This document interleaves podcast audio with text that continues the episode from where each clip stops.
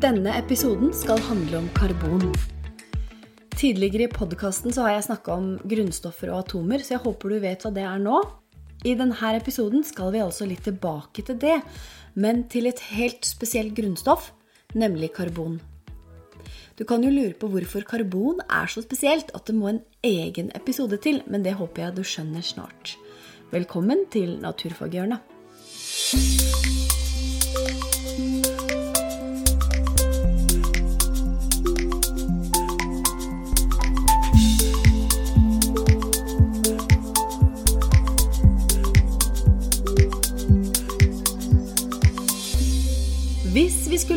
Kåra et grunnstoff til det viktigste på jorda, så tror jeg at jeg hadde valgt karbon.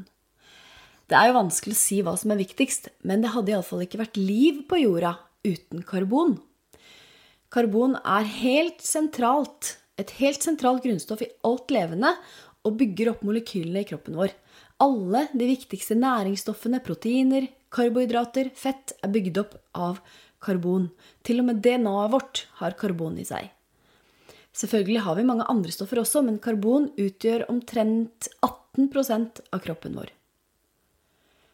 Så bare for å ta det helt grunnleggende Karbon er grunnstoff nummer seks. Dvs. Si at det står på sjetteplass i periodesystemet fordi det har altså i hovedsak seks nøytroner, protoner og elektroner. Karbon binder seg ofte til hydrogen, en slik forbindelse er ganske vanlig og finnes overalt rundt oss. Det kaller vi ofte for hydrokarboner. Og det er eh, veldig vanlige stoffer som olje og gass, eh, fett, alkoholer, plastikk, mange ulike typer syrer osv. I romtemperatur så er karbon et fast stoff. Og fins altså i ulike former. Den vanligste formen er grafitt, som er et eh, mørkt materiale, sånn som man eh, bruker i blyant. Her er karbonatomene eh, bindet sammen litt sånn lagvis, sånn at de lett sklir, de laga sklir på en måte lett fra hverandre. Og derfor så oppleves grafitt veldig mykt.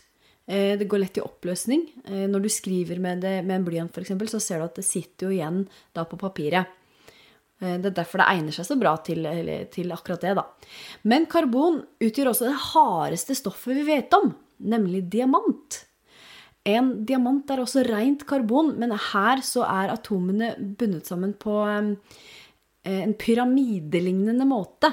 Sånn at det er vanskeligere å bryte bindingene. Og derfor er materialet så hardt. Eh, diamant brukes ofte i, i ja, Det brukes jo som smykker, men, men, også i verktøy for å skjære i annet materiale. Det er jo litt rart da, å tenke på at stoffet i blyanten og, og en knallhard, gjennomsiktig diamant er faktisk det samme grunnstoffet. Så kommer jeg til en ganske viktig del av denne episoden, nemlig karbonkretsløpet. Karbon spiller en viktig rolle i naturen, også for oss mennesker. Karbon er en del av mange ulike forbindelser, og en av dem er karbondioksid, eller CO2.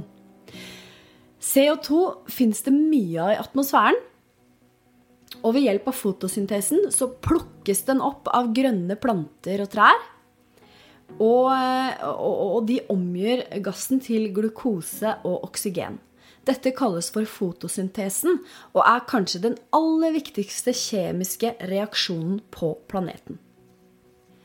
Jeg kommer til å, å, fortelle mye mer om fotosyntesen i neste episode.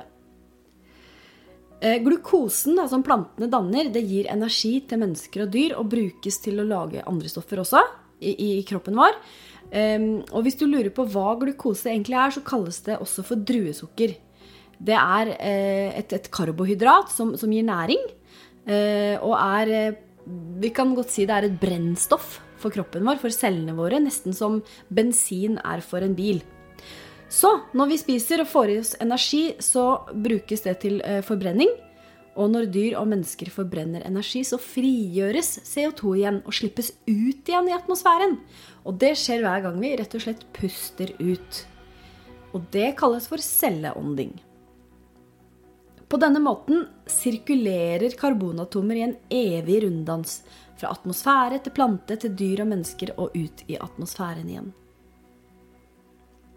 Helt til slutt så vil jeg bare si bitte litt om hvordan eh, menneskelig aktivitet da, påvirker det kretsløpet.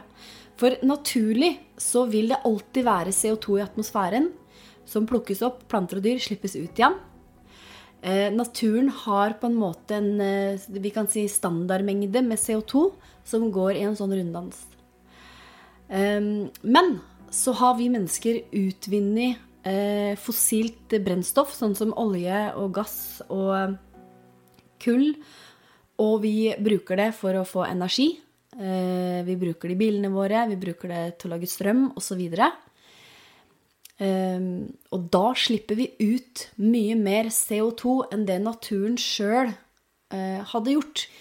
Eh, og det er nettopp det som gjør at eh, vi i dag har miljøproblemer, og at forskere er redd for at det blir for mye CO2 i atmosfæren.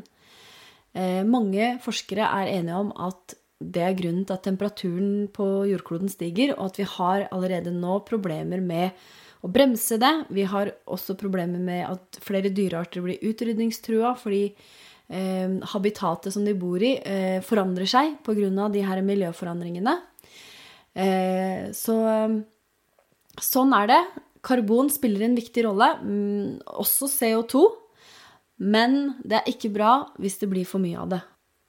Og det er noe som er viktig å følge med på framover. Tror ikke jeg sier så mye mer om det akkurat nå. Eh, vi kan lage flere episoder om miljø. Til neste gang, vær nysgjerrig.